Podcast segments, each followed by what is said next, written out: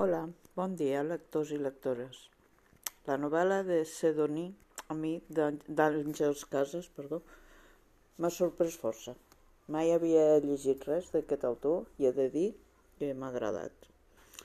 Dels personatges que més m'ha agradat és l'àvia, encara que la mare també em sembla un personatge força interessant i no entenc massa perquè ell li agafa mania, quan la dona ha fet tot el que ha pogut per donar-li una bona vida.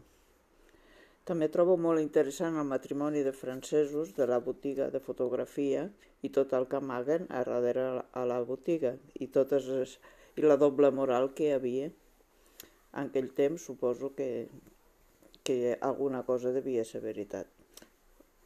M'ha sorprès molt al final, no me l'esperava i trobo que estava molt, estava molt bé. La meva puntuació és un 8, gràcies.